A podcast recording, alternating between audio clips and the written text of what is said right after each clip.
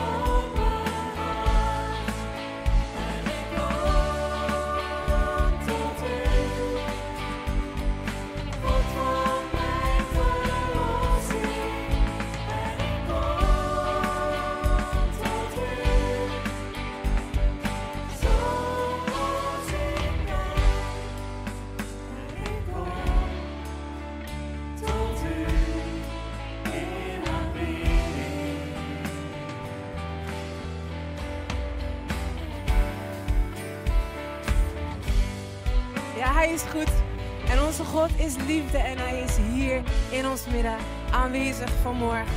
Welkom hier in de zaal, welkom als u thuis meekijkt. Zullen we vandaag ons openstellen en zijn aanwezigheid voelen vandaag?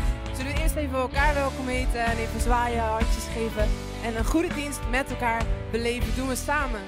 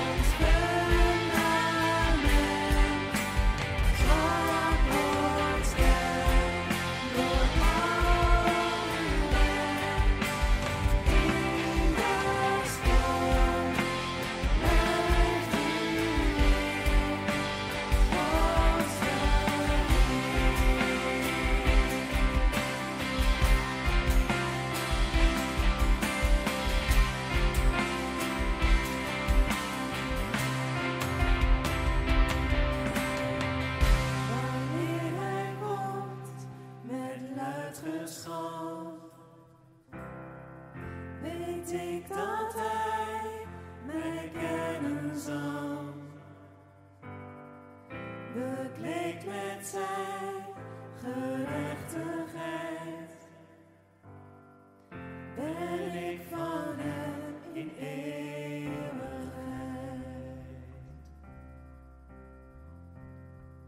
Ja, vader, wat geweldig om met die kennis en met die waarheid in ons hart te mogen leven. Dat door alles heen u ons fundament bent. Dat we mogen bouwen op U. Dat we onze identiteit mogen vinden in U. En dat als we onze ogen houden op Jezus, dat we steeds meer op Hem mogen gaan lijken. Dat we dan mogen weten dat het goed is in onze ziel. Vader, dank u voor wie u bent. Voor uw oneindige liefde voor ons. Dank u wel dat we hier mogen samen zijn als gemeente. Vader, dank u wel. Amen.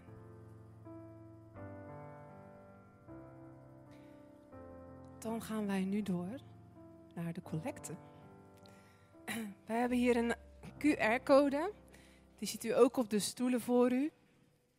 En vandaag is het de derde zondag van de maand. En nu ga ik al jaren hier naar de kerk. En dacht ik ineens, oh, is dat dan, een thema? Dat het dan altijd de derde zondag van de maand is. Dat het dan collecte is voor de NMI. Dat was zo'n dingetje wat ik dan even niet bewust wist. Ergens weet ik het wel. Maar het is dus de derde zondag van de maand. En dan is de collecte voor de NMI. Dus van harte bij u aanbevolen. U kunt het doen via de QR-code, via YouTube-link, de website, meedoen, klikken. Al die dingen zijn natuurlijk al honderd keer genoemd. En als u denkt, ehm, ik weet niet precies, kunt u ook natuurlijk nog het kerkelijk bureau daar even over contacteren. Zodat u daar nog een bijdrage aan wilt doen. En nu is er nog een geweldige mededeling, maar die kan niemand beter dan ons.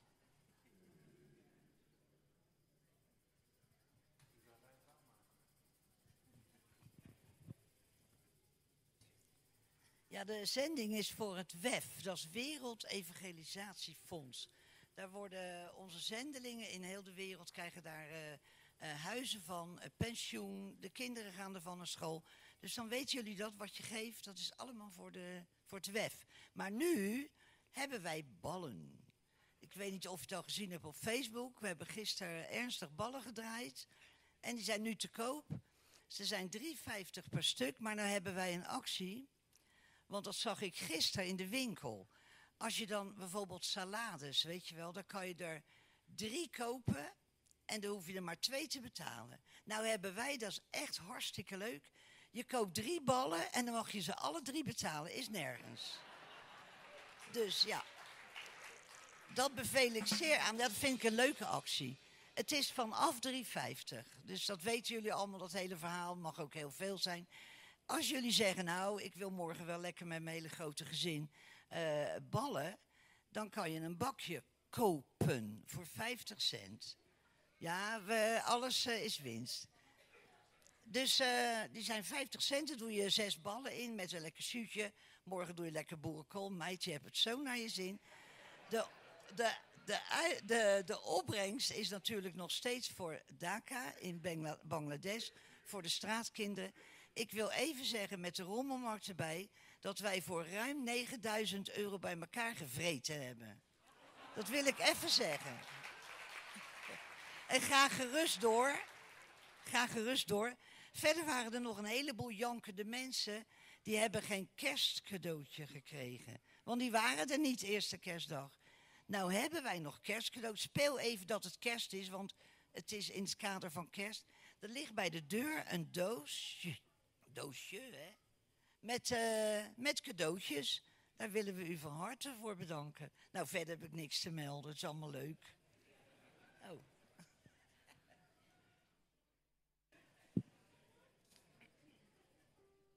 Um, even kijken. Het kindermoment, als het goed is, zou Jochem... Ja, daar ben je. Ik zat even te zoeken waar je was.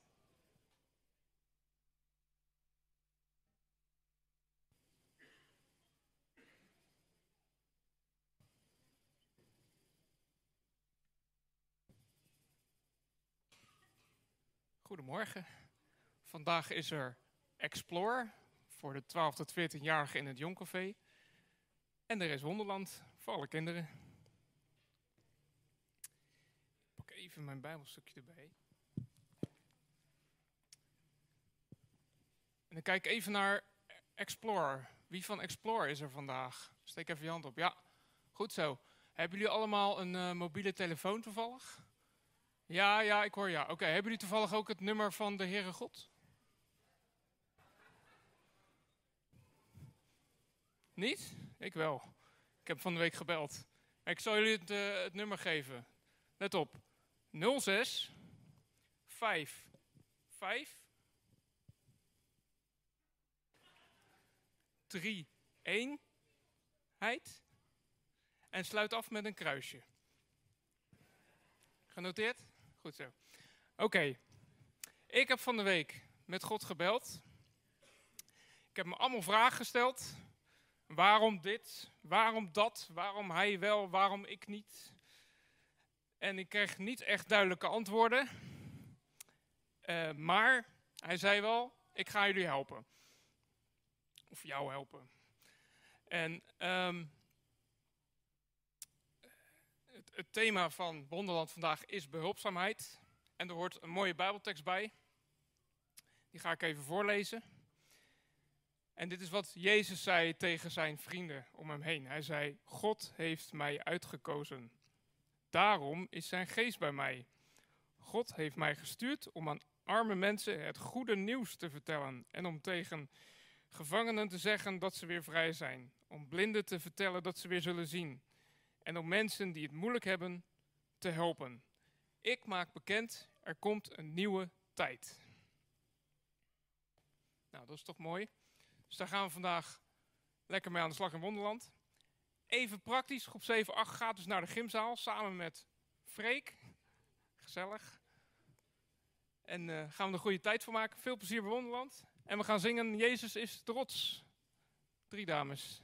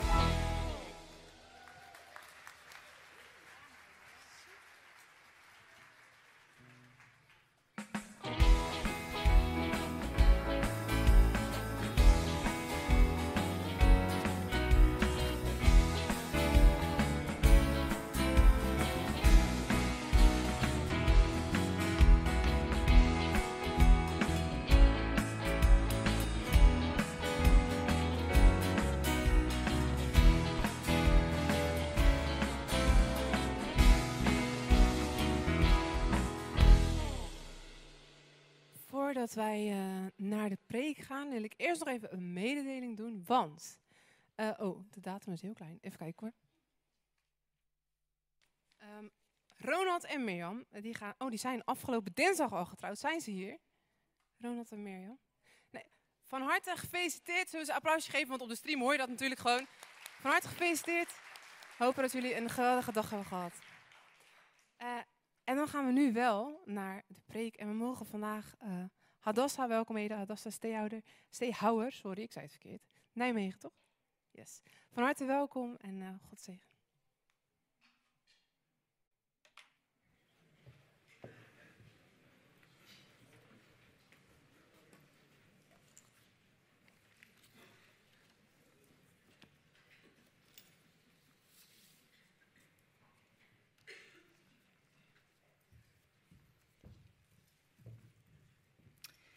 Ja, hele goede morgen allemaal. Fijn om eh, vanochtend eh, bij jullie te mogen zijn.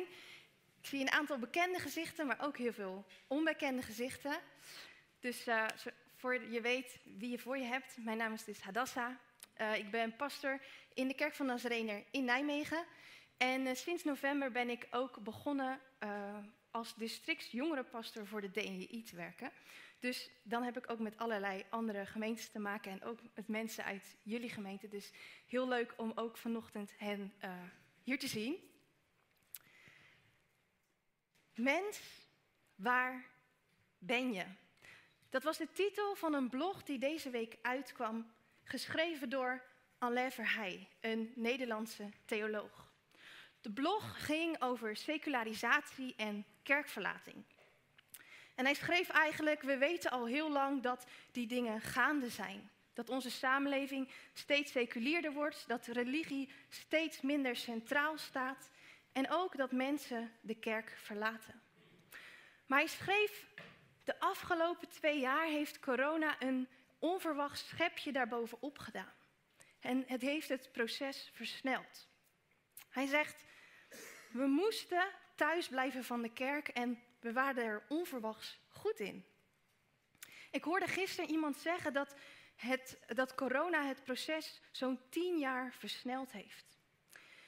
En als je dat soort dingen leest of misschien hoort in het nieuws, dan kun je je van alles gaan afvragen. Waar zijn die mensen dan? En wat moeten we als kerk? Hoe stop je het misschien of draai je het terug? Hoe, hoe komen die mensen terug? Maar vanochtend wil ik niet over die vragen met jullie nadenken. Ik wil eigenlijk kijken naar de andere kant. Want wij zijn hier vanochtend samen.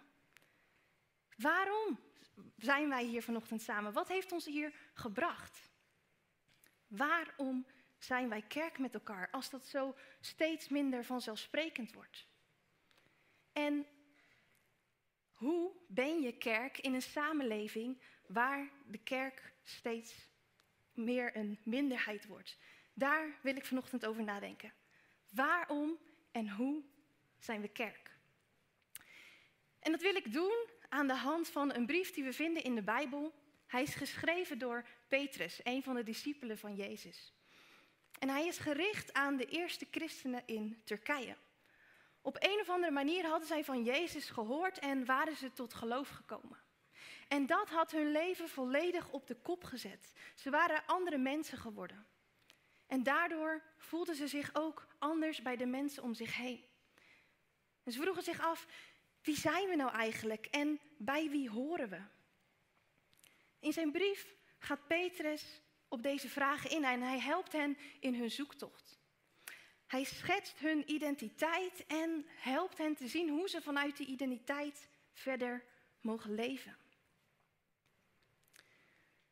Vanochtend wil, wil, ik met jullie een stuk lezen uit de eerste brief en uit het tweede hoofdstuk. En met elkaar nadenken, wat zegt Petrus ons nou? Wat leert hij ons over kerk te zijn in een samenleving waarin je toch steeds vreemder wordt? Laten we samen lezen. 1 Petrus 2 en ik lees het vanaf vers 4. Voeg u bij hem bij Jezus. Bij de levende steen die door de mensen werd afgekeurd, maar door God werd uitgekozen om zijn kostbaarheid. En laat u ook zelf als levende steen gebruiken voor de bouw van een geestelijke tempel. Vorm een heilig priesterschap om geestelijke offers te brengen, die God, dankzij Jezus Christus, welgevallig zijn. In de schrift staat immers, in Sion leg ik een hoeksteen die ik heb uitgekozen om zijn kostbaarheid. Wie daarop vertrouwt, komt niet bedrogen uit. Kostbaar is hij voor u, die erop vertrouwt.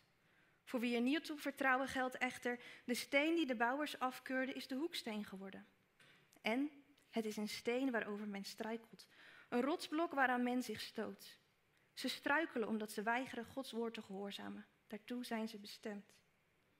Maar u bent een uitverkoren geslacht, een koninkrijk van priesters, een heilige natie, een volk dat God zich verworven heeft om de grote daden te verkondigen van Hem die u uit de duisternis heeft geroepen naar zijn wonderbaarlijk licht.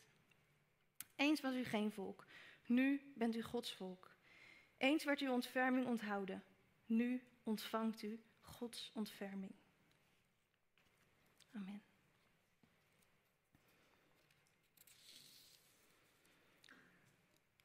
Petrus schrijft dus aan mensen die zoekende zijn naar hun identiteit. En in zijn brief schetst hij wie ze zijn geworden. En dat doet hij met allerlei metaforen.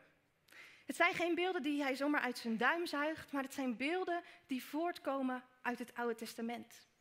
Hij heeft het over een hoeksteen, over een tempel, hij heeft het over Gods volk. En tot twee keer toe heeft hij het over priesters. En vanochtend wil ik daar met jullie over nadenken. Waarom gebruikt Petrus nou juist het beeld van priesters om de gelovigen te beschrijven? Nou, om daarachter te komen moeten we eerst weten, wat is dan eigenlijk een priester? In het Oude Testament waren priesters mensen die uitgekozen werden uit het volk. Ze mochten namens het volk naar God toe gaan en offers brengen. En vervolgens, als ze dat hadden gedaan, mochten ze namens God ook weer terugkomen bij het volk om hen te onderwijzen en hen te zegenen. Priesters waren eigenlijk een soort vertegenwoordigers. Ze vertegenwoordigden het volk bij God en God bij het volk. In vers 9 lazen we dat Petrus het heeft over een koninkrijk van priesters. En dit beeld komt dus al uit het Oude Testament al eerder naar voren, in Exodus 19. Het is een bijzonder moment, want Israël is op dat moment samen in de woestijn en ze ontvangen daar een speciale roeping en taak van God. God zegt daar in Exodus 19, als je mijn woorden ter harte neemt en je aan het verbond met mij houdt, zul je een kostbaar bezit voor mij zijn. Kostbaarder dan alle andere volken, want de hele aarde behoort mij toe. Een koninkrijk van priesters zul je zijn, een heilig volk. God zegt eigenlijk, de hele aarde, alle volken, ze horen bij mij.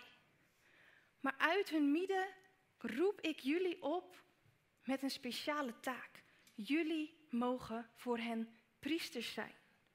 Jullie mogen de volken bij mij vertegenwoordigen door offers te brengen. En jullie mogen vervolgens mij ook weer vertegenwoordigen bij hen. Door de manier waarop je leeft. Hij zegt: leef een heilig leven, een leven dat gericht is op mij. Want dan, op die manier, zul je de mensen om je heen tot zegen zijn.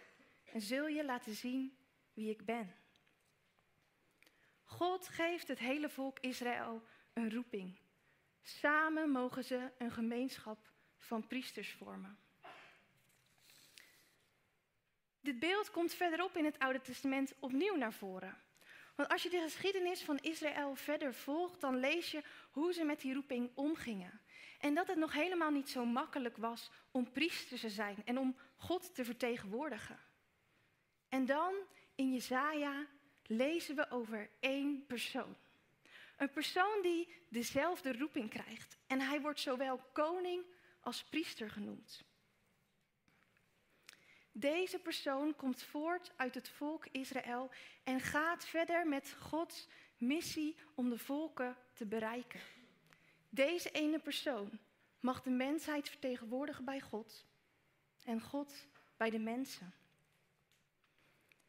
En met dat beeld gaat Petrus dan verder in zijn brief in het Nieuwe Testament. Hij noemt de gelovigen een koninkrijk van priesters. Wat bedoelt hij daar dan precies mee? Petrus zegt eigenlijk, jullie hebben dezelfde roeping ervaren als Israël toen. Want die ene persoon waar Jezaja het over heeft, dat is Jezus, de Messias. Door zijn leven hier op aarde heeft hij God vertegenwoordigd bij de mensen. En tijdens zijn leven, maar ook in zijn dood en opstanding, heeft hij de mensheid vertegenwoordigd bij God. Jezus heeft gedaan wat het volk Israël niet was gelukt. En wat ook deze christenen niet zal lukken. Maar Jezus vormt als het ware een schakel tussen Israël en tussen dit nieuwe volk. Want door wat Jezus heeft gedaan, wordt het mogelijk dat die roeping opnieuw klinkt. En dit nieuwe volk van Joden en niet-Joden, deze christenen, mogen in Jezus' voetsporen verder gaan en priesters zijn. Hoe zag dat er dan uit voor die eerste christenen? Want het waren niet allemaal Joden.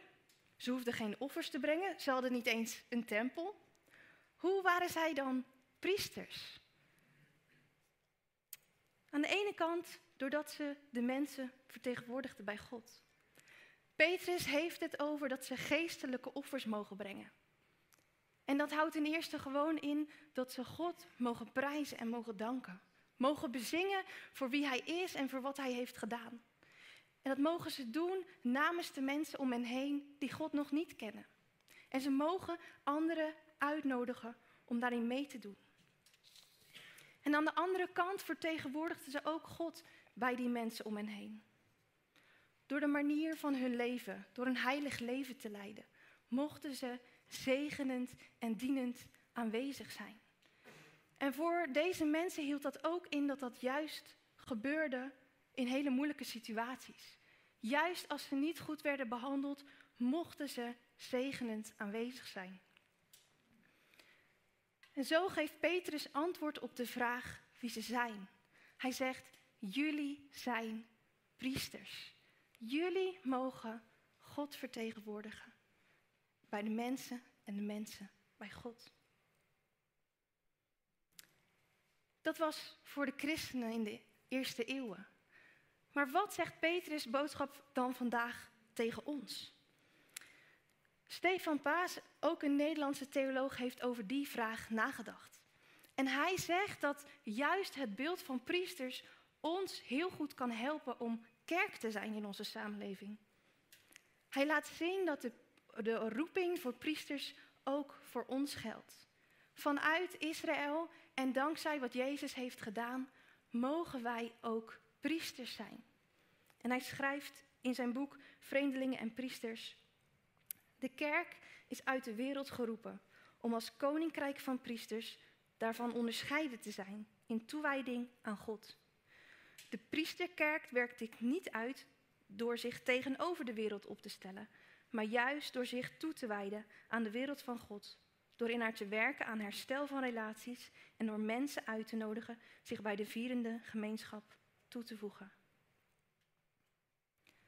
We worden door God geroepen om priesters te zijn en vertegenwoordigers van Hem bij de mensen in onze omgeving. En onze omgeving te vertegenwoordigen bij Hem. Toch kan je je dan nog steeds afvragen, wat heeft de kerk daar dan mee te maken? Want we kunnen dan priesters zijn, maar waarom heb je de kerk daarvoor nodig? Kunnen we niet los, gewoon in de omgeving waar we zijn, priesters zijn? Nou, als je de beschrijving van Petrus leest zoals we net hebben gedaan, dan zie je dat Petrus de identiteit van deze christenen beschrijft door de gemeenschap te beschrijven. Doordat ze onderdeel zijn van deze gemeenschap, worden ze priesters. Alleen door bij de gemeenschap van priesters te horen. Voor Petrus is het blijkbaar niet mogelijk om dat los even in je eentje te doen. Maar juist in verbondenheid met anderen word je priester. Petrus die denkt heel sterk vanuit de gemeenschap en onderstreept het belang ervan. Want deze mensen waren ver in de minderheid. Ze waren soms de enige christenen in hun straat, in hun familie of misschien op hun werk. En het was dus extra van belang om anderen te ontmoeten die dezelfde identiteit hadden en waar ze dat mee konden delen. En misschien is dat voor ons wel helemaal niet zo anders. Want ook bij ons geldt dat in ons land we als christenen toch steeds meer een minderheid worden. En misschien ben jij ook wel de enige christen in je familie of in je straat. En toch klinkt het voor ons maar vreemd om zo'n grote nadruk te leggen op de gemeenschap. Want we zijn geneigd om meer individualistischer te denken. Ook als het gaat over geloven. En in zijn boek gaat Stefan Paas ook hierop in. En hij zegt: Geloven is zeker wel persoonlijk, maar het is niet individualistisch. We hebben de gemeenschap nodig om te geloven en ook om onze roeping uit te leven. Alleen door deel te zijn van die gemeenschap van priesters, door verbonden te zijn met anderen, worden we zelf ook priesters. Hoe ziet dat er dan concreet voor ons uit? Nou, in het vervolg van de brief maakt Petrus heel concreet hoe zo'n leven als priester er dan uitziet. Hij heeft het over hoe je om kan gaan met je baas die je slecht behandelt. Of hoe je mag samenleven met je partner die God niet kent. In al die relaties blijkt hetzelfde principe naar voren te komen. Het principe van vertegenwoordiging. Elke keer mogen we ons afvragen, hoe mag ik in deze relatie God vertegenwoordigen? Wat betekent het voor hoe ik omga met mijn collega of met mijn buurmeisje? Wat mag ik voor hen bidden of namens hen bij God brengen? En ook hoe vertegenwoordigen we dan hen bij God? Daar kunnen we ook als kerk heel concreet over nadenken. Wat betekent het dat jullie in jullie omgeving hen mogen vertegenwoordigen bij God? Dat betekent dat jullie als kerk relaties aan mogen gaan. Dat jullie de vragen, de noden, de, dank, de dankdingen van deze omgeving bij God mogen brengen. Dat jullie mogen bidden voor de zieken hier in de straat. Of mogen danken voor mooie dingen die in Vlaardingen gebeuren. We mogen God prijzen daarvoor en andere mensen daarin uitnodigen om in mee te doen. En het betekent ook dat jullie mogen nadenken over hoe jullie vervolgens God ook weer hier mogen vertegenwoordigen. In jouw omgeving. Het betekent dat jullie zegenend en dienend aanwezig mogen zijn hier. Misschien hulp vragen uit de wijk, dat daarmee aan de slag mogen gaan. Mensen mogen zien. Misschien wel jullie gebouw beschikbaar stellen of uh, een gehaktbal ergens uitdelen. Jullie mogen door je manier van leven en omgang met elkaar laten zien wie God is en zo God ook hier vertegenwoordigen. En bij het voorbereiden van een preek denk ik altijd na, waar zie ik nou concreet ook in om mij heen hier een voorbeeld van? En ik wil jullie een situatie vertellen die ik laatst meemaakte. Het was dinsdagochtend en ik zat in een koffietentje. Ik had een afspraak met iemand die ik nog niet kende. Hij was nieuw in Nijmegen en hij wilde meer weten over de kerk en wat we deden. En we hadden een mooi gesprek over hoe je nou christen kunt zijn in Nijmegen. En tijdens het gesprek ging opeens zijn telefoon af. En het bleek zijn wekker te zijn die hij precies om 12 uur had gezet. En hij legde uit dat hij elke dag die wekker zette als reminder voor hemzelf om te bidden voor de mensen in zijn omgeving die Jezus nog niet kennen. Hij vond het zo belangrijk om voor hen te bidden dat hij elke dag zichzelf daaraan herinnerde. En ja, deze keer ging zijn wekker af terwijl wij nog in gesprek waren. En dus hebben we samen in dat koffietentje gebeden voor de mensen in onze omgeving die Jezus nog niet kennen. Het was een heel bijzonder moment voor mij, omdat even heel concreet werd hoe we als priesters in ons hele dagelijkse leven uh, voor onze omgeving kunnen zijn. En zo mogen we concreet nadenken over hoe we deze roeping vormgeven in onze levens. Want dat is de reden waarom we als kerk samenkomen. Niet in eerste instantie voor onszelf, om van mooie muziek te genieten of om het heel gezellig met elkaar te hebben. Dat is zeker niet onbelangrijk.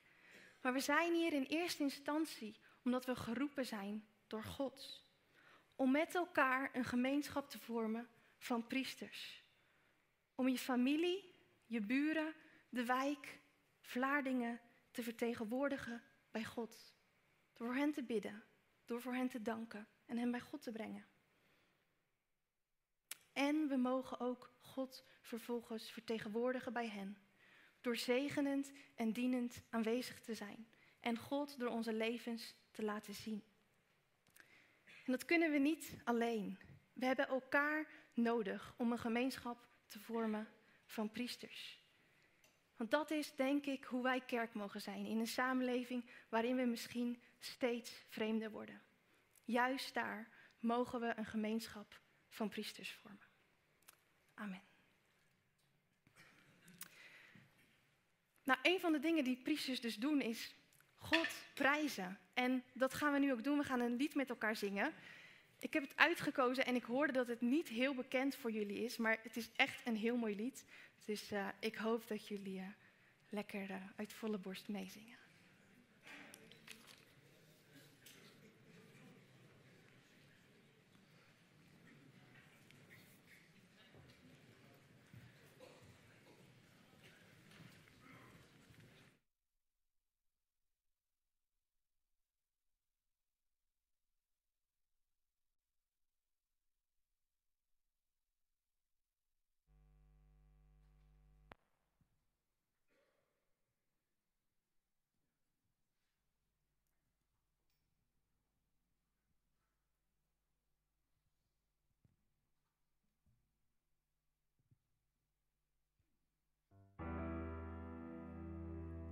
Misschien een uh, iets onbekender lied, maar we herhalen de tekst een aantal keer. Dus misschien kunt u zo meteen toch met elkaar meezingen.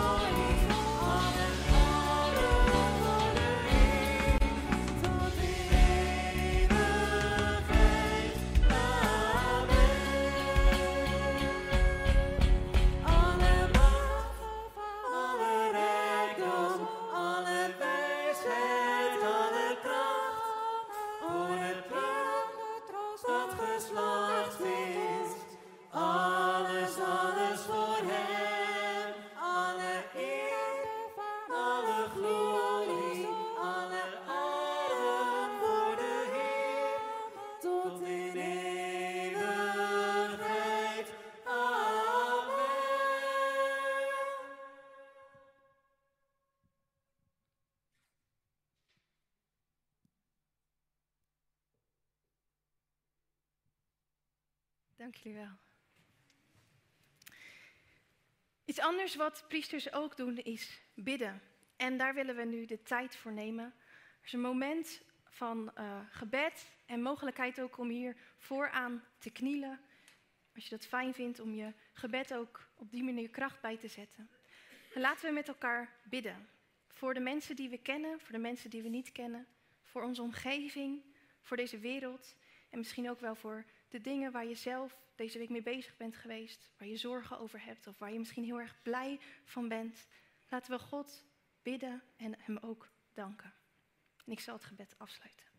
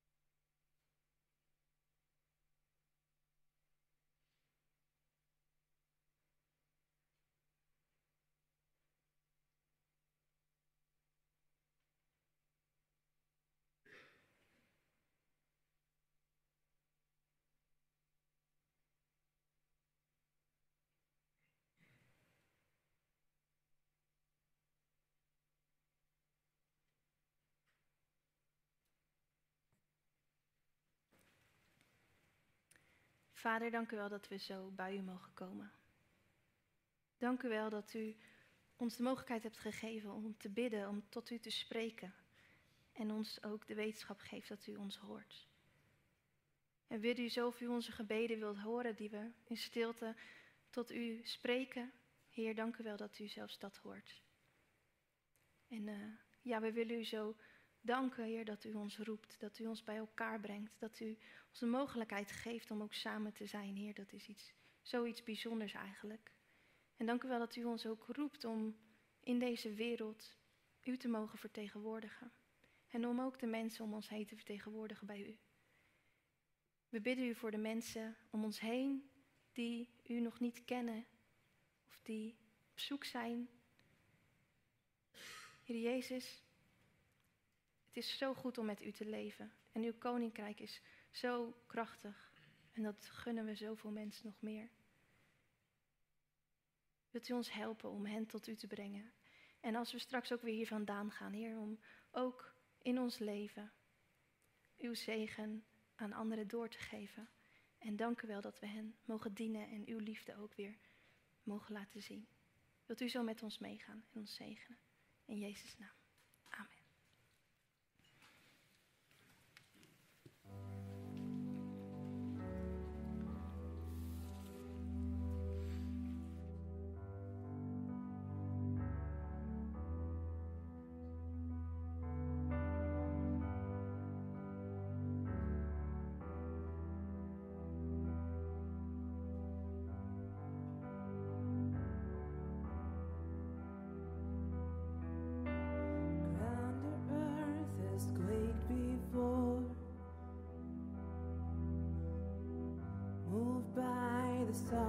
His voice. Seas that are shake and stir. can be calm and broken for my regard. Through it all, through it all, my eyes are on you. And through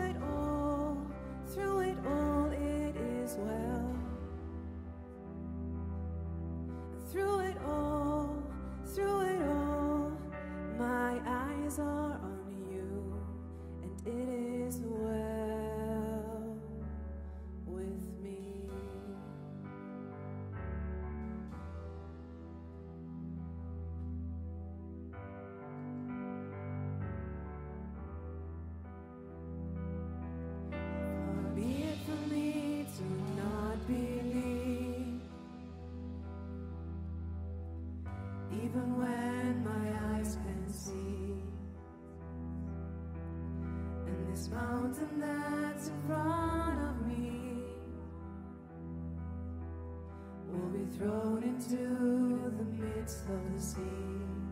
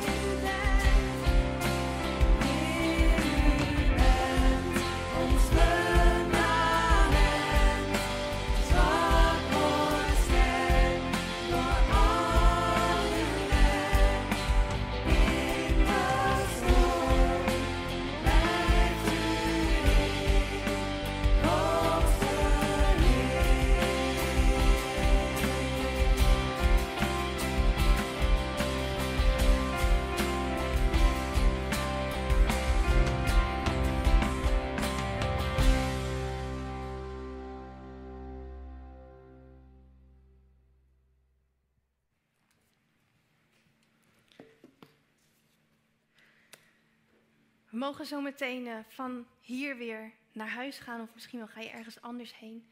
Dat mogen we doen met de zegen van God. Ik vind het altijd zo'n fijn idee dat als je hier van weggaat, dat je denkt: God gaat met ons mee waar we ook gaan en we dragen zijn zegen met ons. En nou, jullie gaan allemaal al staan. Kijk, jullie zijn eh, goed op. Sorry? Afgericht, ja. Ik wilde het niet zeggen, maar jullie woorden. Ontvang dan de zegen van God. Mogen de Heer u zegenen en u beschermen. Mogen de Heer het licht van zijn gelaat over u doen schijnen en u genadig zijn. En mogen de Heer u zijn gelaat toewenden en u vrede geven. Een hele gezegende week toegewenst. Amen.